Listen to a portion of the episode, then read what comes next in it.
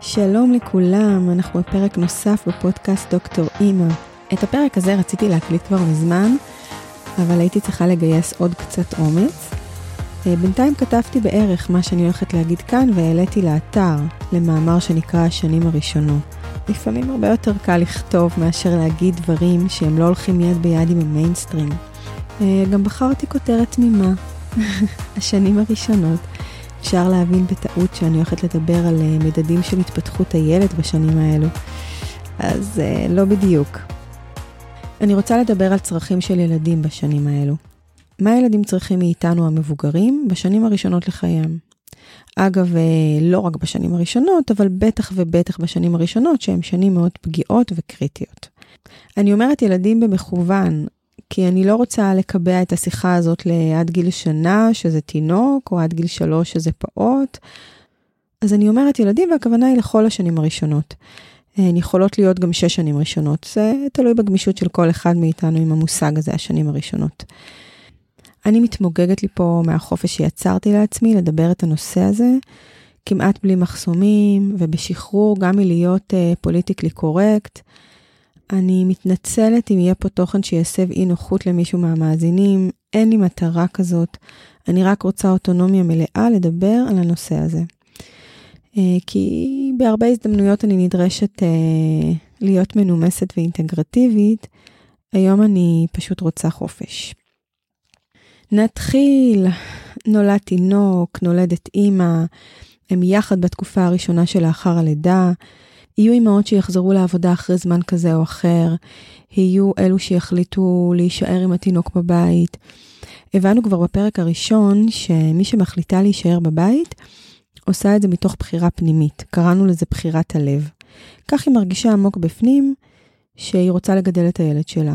זה לא אומר שמי שנפרדת מהתינוק שלה עושה את זה בהשלמה מלאה ודילוגים. ממש לא. מחקרים רבים וגם תצפיות ועדויות של אמהות יודעים לתאר את הפרידה הזאת כקשה, גם להם וגם לתינוק. אה, גם לאותן אמהות שמחכות לחזור לעיסוקים שלהן, גם להן הפרידה לרוב לא פשוטה. אז יהיו מי שייפרדו, יהיו מי שימשכו ויהיו מי שיישארו. הכל לגיטימי. מה שפחות לגיטימי הוא להישען על איזה שהן פרדיגמות מוטעות ומטעות. אותן הפרדיגמות תופסות את הפרידה כטובה לילד, כמיטיבה איתו, הוא צריך מסגרת, כזה. אז לצורך השיח הזה אני אתחיל מזה שאני אתרכז בטובתו של הילד בלבד. ואחרי שנבודד ונסכים מהם הצרכים של הילד בשנים הראשונות, מהי טובתו, נוכל לעשות זום אאוט ולדבר על התמונה הרחבה יותר. ברור שילד הוא חלק ממערכת משפחתית, ופתרון שטוב עבור הילד חייב להיות טוב עבור המשפחה שלו. בסדר, אנחנו נעשה את האינטגרציה הזאת בסוף, אבל נתחיל מזום אין רק על הילד.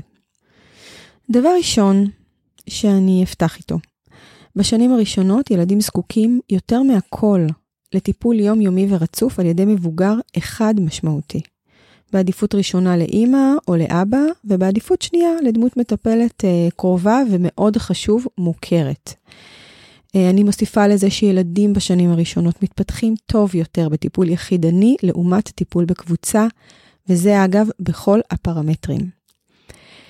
אה, עוד דבר, ילדים בשנים הראשונות אינם זקוקים לפעילויות חברתיות רצופות ויומיומיות לצורך התפתחות תקינה. הם לא זקוקים לפגוש בכל יום קבוצת ילדים גדולה לצורך פיתוח כישורים חברתיים. זה לא אומר שאם הם כן יפגשו, הם לא ירחיבו את סל הכישורים החברתיים שלהם. אבל נכון לעשות את זה בתנאים מתאימים, ואנחנו גם על זה נרחיב. ועוד דבר, לפני שאני אפתח את הסקירה בנושא, אה, ילדים לא מפתחים עצמאות או חוסן נפשי אם הפרידה מההורה מלווה בסבל וכאב. אה, להלן בכי, התנגדות, הבעת צער, תסכול. אה, כי להגיד לעצמנו, בסוף הוא יתרגל, כולם עוברים את זה, ככל שאני אשאר יותר הוא יבכה יותר, בכי מחשל וכולי, כל אלו הם חלק מהפרדיגמות המוטעות. חלק מהפרדיגמות שגורמות לרבים מאיתנו לחשוב שיותר קל לתינוק בן ארבעה חודשים להיפרד מאשר לתינוק בן שנה. כי הקטן יותר לא מביע מחאה כמו בן השנה, אבל באמת יותר קל לו? כחוקרת, אני לא יכולה להסתמך רק על ניסיון אישי או אינטואיציה, למרות שאני חייבת לציין ששני אלו מוסיפים לי אה, לא מעט. אבל בכל זאת, במשך חודשים ארוכים חקרתי את השאלה הזאת, מהם הצרכים של ילדים בשנים הראשונות? הזירה המרכזית והטבעית שניגשתי אליה היא הזירה הפסיכולוגית. וכן, כיאה לחוקרת רצינית, הלכתי הרבה אחורה למחקרים משנות ה-50 וה-60 ומשם התקדמתי. בסוף מלחמת העולם השנייה היה רופא ילדים, רנה ספיץ. הוא היה אחראי על מספר בתי יתומים בגילאים ממש קטנים, ממש חודשים ראשונים עד, עד גילאי שנה. מבין בתי היתומים שהוא היה אחראי עליהם, היה בית יתומים אחד שהיו בו אחוזי תמותה מאוד גבוהים. מעל 50 אחוזי תמותה של תינוקות מתחת לגיל שנה, בהשוואה לבתי יתומים אחרים ששם אחוזי התמותה היו בודדים. אז כרופא ילדים של בתי היתומים, הוא החל לחקור את התופעה. אז באותה תקופה היה מקובל לחשוב אה, שזה כנראה שייך לאיזשהו אספקט פיזיולוגי. הוא בדק אה, אם התזונה לקויה, הוא בדק את אה, מידת ההיגנה, הטמפרטורה, אולי מגפה. אף אחד מהמדדים האלו לא יצא חריג. ואז הוא החליט, בצעד מהפכני באותה תקופה, להסתכל על אופן הטיפול בתינוקות. מה שונה בבית היתומים ש... שבו התמותה גבוהה לעומת בתי היתומים האחרים, שעליהם הוא היה אחראי? בבתי היתומים האחרים, לא בזה עם אחוזי התמותה הגבוהים. היו שניים שלושה תינוקות בחדר, היה מבוגר אחד קבוע אחראי על מספר תינוקות. אותו המטפל בתינוקות, אותו אדם שהיה אחראי, הכיר את התינוקות ויצר איתם קשר, הוא היה מאכיל אותם ומחליף להם. ובנוסף, באותם בתי יתומים, אותו המבוגר היה מוציא את התינוקות מהלולים, ובגילאים מתאימים היה מאפשר להם לשחק על הרצפה, ויוצא איתם גם מדי פעם לחצר. זה בתי היתומים שבהם אחוזי התמותה היו בודדים. בבית היתומים המדובר, זה שבו היו אחוזי תמותה גדולים, היה דגש על היגנה, וכל תינוק היה בחדר נפרד. היו נכנסים ולהאכיל ולהחליף לאותם תינוקות דמויות מתחלפות, רנדומליות, מי שפנוי. אה, אותן דמויות היו נכנסות, מאכילות, מחליפות, דואגות לטמפרטורה ויוצאות. זה אומר שבמשך מספר חודשים אה, שכבו התינוקות במיטות בלי כמעט אינטראקציה. הכניסה לחדר הייתה כאמור אקראית, ולא הייתה דמות שהתינוקות הכירו או שהיא מכירה את התינוקות. הם גדלו בבידוד, בלי יחס אישי, ושוב, הצרכים הפיזיולוגיים שלהם סופקו. האכילו אותם, החליפו להם, אמרנו את זה. לאחר סדרה ארוכה של תצפיות, שאגב, אה, חלק מהסרטונים נמצאים ברשת, אפשר אה, לראות אותם למרות שהם בלי ווליום, לבעלי לב חזק בלבד, אני בטח לא שמה פה לינק לדבר הזה. אה, ספיץ טען שיכול להיות שהסיבה שהתינוקות מתו הייתה שהם למעשה לא רצו לחיות. לא היה להם בשביל מה לחיות. אה, אותם התינוקות דעכו לאט לאט. בסרטונים אפשר לראות את הדיכאון הנורא שהם נמצאים בו, את האפתיה. אה, במובן מסוים הם התאבדו. הם התאבדו באופן פסיבי. בעקבות אותם התצפיות, ספיץ הכניס שינויים קיצוניים בבית היתומים הזה. הוא טען שחייבת להיות דמות קבועה עבור התינוקות בשנה הראשונה. אותה הדמות תהיה מוכרת לתינוק ותייצר איתו אינטראקציה שהיא יותר מטיפול פיזי. באותו בית יתומים מדובר, השינוי היה דרסטי. הם יישמו את ההמלצות של ספיץ.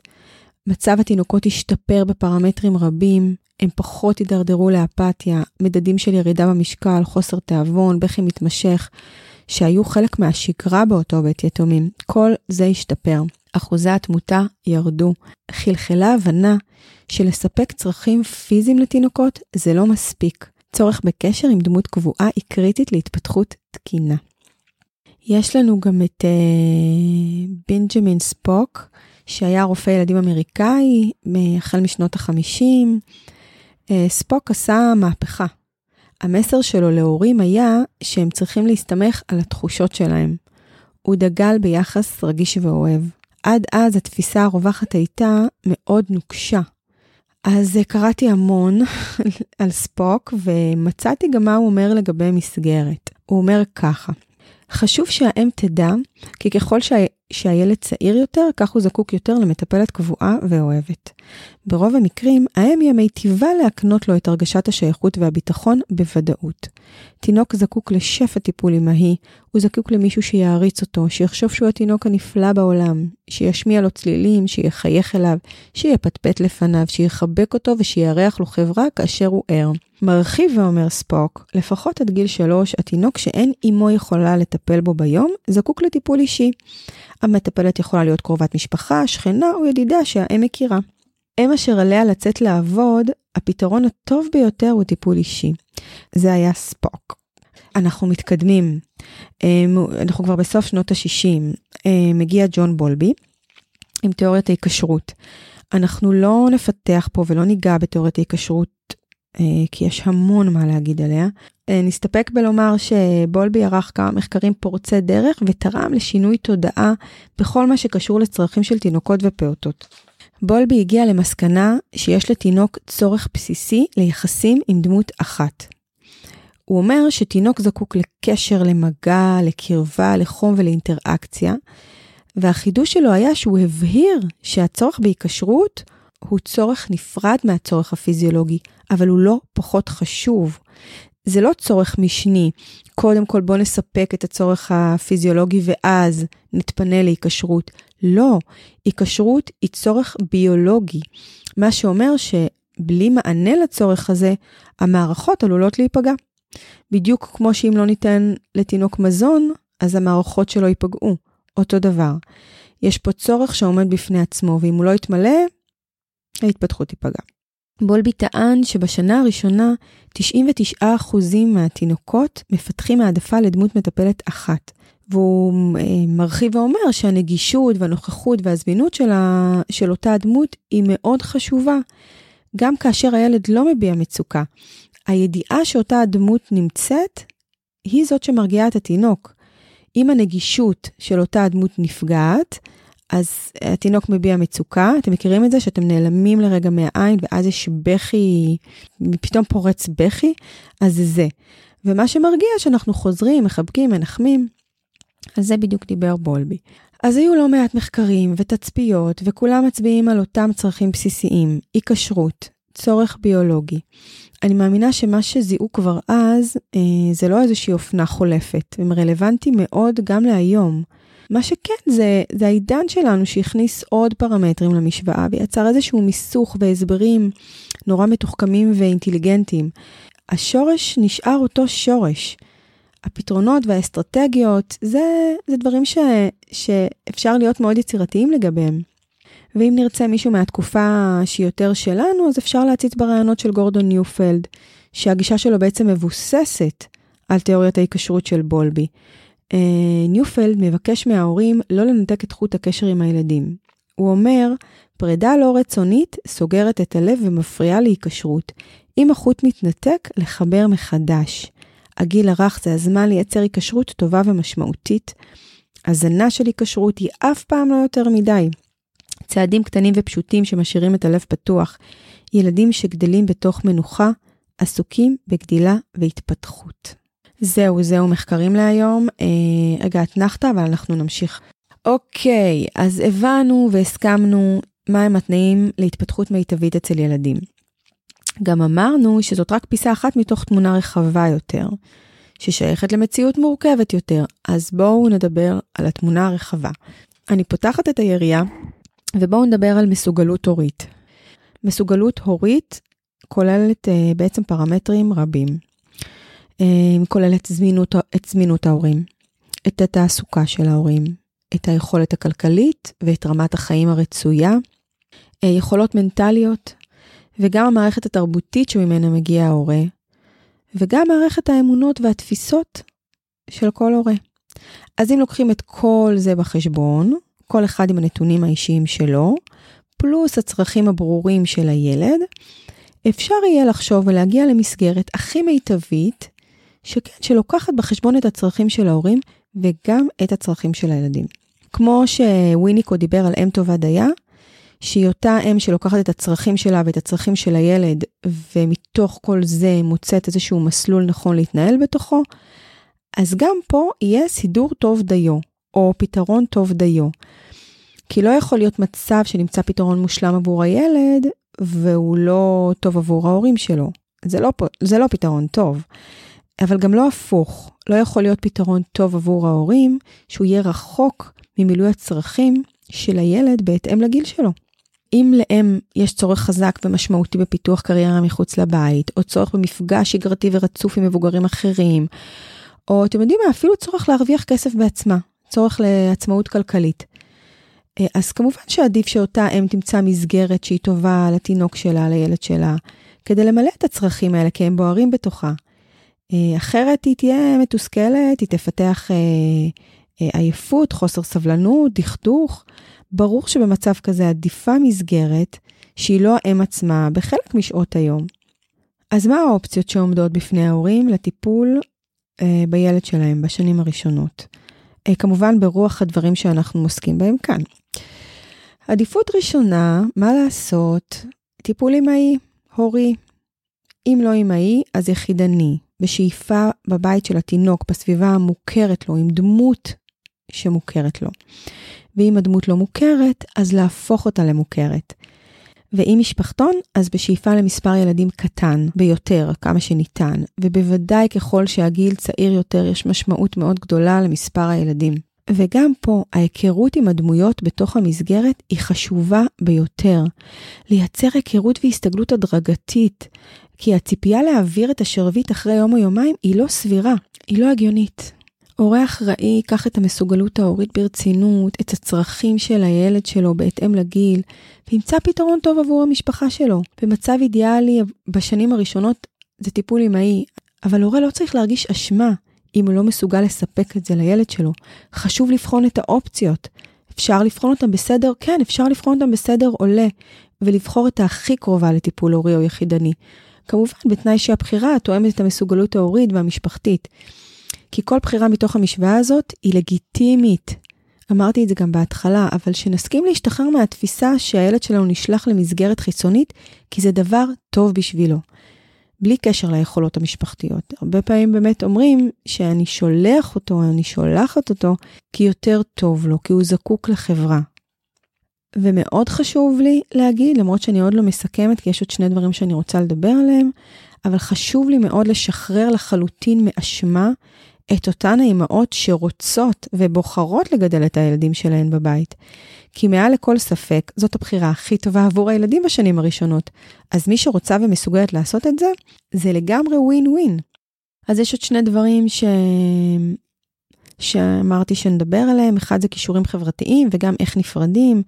בתחילת הפרק אמרתי שילדים לא זקוקים לפעילויות חברתיות שגרתיות עם ילדים בני גילם, וגם אמרתי שלא נפרדים בבכי, איכשהו לא יודעת איך התנסחתי, אבל זה מה שהתכוונתי.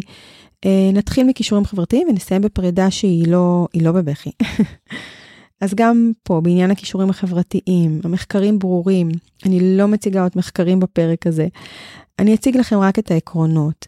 שילד לא זקוק לחברה יומיומית רצופה בגילאים צעירים. כישורים חברתיים יכולים להתפתח בתנאים מתאימים בלבד. ילד זקוק למבוגר שהוא מכיר ואוהב כאשר הוא יוצא אל העולם ופוגש את הצרכים של האחרים בחוץ. כי אותו המבוגר הוא עוגן עבור הילד. הנוכחות של המבוגר מאפשרת לילד חופש. כן, כן, היא מאפשרת לו חופש. הילד בטוח יותר לבדוק את הסביבה שלו כאשר יש מבוגר שהוא מכיר לידו. אותו המבוגר גם סביר שמכיר את האיכויות של הילד ואת המגבלות שלו ואת סף היכולת שלו. ואת הסימנים שהוא עושה, שהוא עושה כשהוא עייף או כשהוא רעב, מתי מספיק לו וצריך לעצור. הרי לכל ילד יש צורך במינונים חברתיים אחרים, בסגנון של אינטראקציה אחר. יש ילדים שעד גיל 5-6 הם מסתפקים במפגשים סולידיים, פעמיים שלוש בשבוע, זה מאוד מאוד משתנה. ואותו המבוגר שנמצא ליד, הילד, הוא מזהה ומכיר את כל זה, והוא מלווה את הילד בתוך ההתפתחות החברתית שלו. היכולת של ילדים צעירים לפתח כישורים חברתיים מוגבלת לזמן קצוב ביום, לתיווך זמין ולאינטראקציה איכותית שתואמת את הגיל שלהם ועם מספר מצומצם של ילדים. כמובן, כמובן שהכל תלוי בילד. אה, אז השיח של איך הוא ירכוש אה, כישורים חברתיים לפעמים הוא הולך קצת לאיבוד, הילד שלנו הוא יצור חברתי והוא מתקשר איתנו מהשעות הראשונות לחייו. הפידבק והתקשורת איתנו הם כל עולמו. אין צורך לאתגר את המקום הטבעי הזה עם אינטראקציות עמוסות ולא מותאמות. נושא אחרון, נסיים עם פרידה. אוקיי, אני הולכת ונהיית יותר, אה, אני שמה לב שככל שהפרק מתקדם, אני יותר נחרצת, אז אני נושא אחרון ובאמת נסיים. אמ, פרדות. טוב, במצב תקין ובריא לילד, בכל גיל, הפרידה לא צריכה להיות מלווה בקושי ובהתנגדות, בטח לא באופן שגרתי. בטח לא כשמתלווים לזה קשיים נוספים. אז יכול להיות קונפליקט, יכול להיות לא נוח ויכול להיות לא כיף, ויש גם רצון נגדי. לפעמים ילד לא ירצה להיפרד, אבל ההורה חייב ללכת. מכירים את זה? אם קיים בסיס של קשר חזק ואיכותי, אז לא חסרות אסטרטגיות כדי לייצר את הפרידה הזאת בלי לקרוע את חוט ההיקשרות. אפשר לעשות את זה. במציאות אופטימלית לא צריך לנתק ילד מההורים שלו. הוא יתרחק כשזה יתאים לו, למרחק שיתאים לו ובקצב שמתאים לו. אני מכירה את מגבלות המציאות, אבל אני עדיין מאמינה שכדאי להכיר גם את השאיפה הזאת, למרות שהיא עשויה להישמע קצת אה, רדיקלית. בתחילת הדברים אה, אמרתי והתכוונתי שכל בחירה היא לגיטימית, אם רק נסכים להשתחרר מאמירו, מכל מיני אמירות שהן ריקות ומוטעות, ושאולי נועדו לייצר שקט מתישהו אצל מישהו, אבל הן יוצרות מהומה גדולה במקום אחר. אפשר לבחור לנהוג בכל דרך שהיא מתאימה, רק אם ננסה לא להסתתר מאחורי ההנחות השגויות האלה. הנחות, כבר את חלקן הזכרתי, הנחות של הוא יבכה ויתרגל, כולם בוכים, הוא צריך ללמוד גבולות, וההנחה הכי שגויה היא, כשאני באה לאסוף אותו, הוא לא מתייחס אליי. והתרגום המוטעה יכול להיות, הוא יתרגל וטוב לו. אם מעמיקים קצת בתיאוריה של בולבי, מבינים שההפך הוא הנכון. ילד שלא מגלה סימן של קשר אחרי פרידה, זה לרוב לא סימן חיובי. קל להכניע ילדים, קל לייאש אותם, קל לאלף אותם, לכופף אותם. השאלה אם זה מה שאנחנו רוצים. אם זה מה שאנחנו מבקשים שיירשם בהיסטוריית היחסים שלנו איתם וילווה את ההווה שלנו ושלהם בכל רגע. אנחנו המגדלור שלהם, הם זקוקים לנו, הם ילכו איתנו עם כל מה שנחליט, לכאן או לכאן. וחשוב לי להגיד לסיום, שאנחנו חיים במציאות שבה להישאר בבית עם הילדים ולגדל אותם זאת החלטה ביזארית וקיצונית אה, עבור רוב החברה. זאת בטח לא החלטה מוערכת או מקובלת, אני לא מדברת רק על חינוך ביתי שהוא מייצג איזשהו אקסטרים של הדבר הזה. היום גם ילד שלא נמצא בצהרון הוא חריג, וילד שלא פוקד קייטנה בחופש הוא חריג, וילד שמדי פעם לא מגיע לבית ספר כי הוא נשאר לנוח בבית, הוא חריג. וגם פעוט בבית עם אימא זה חריג.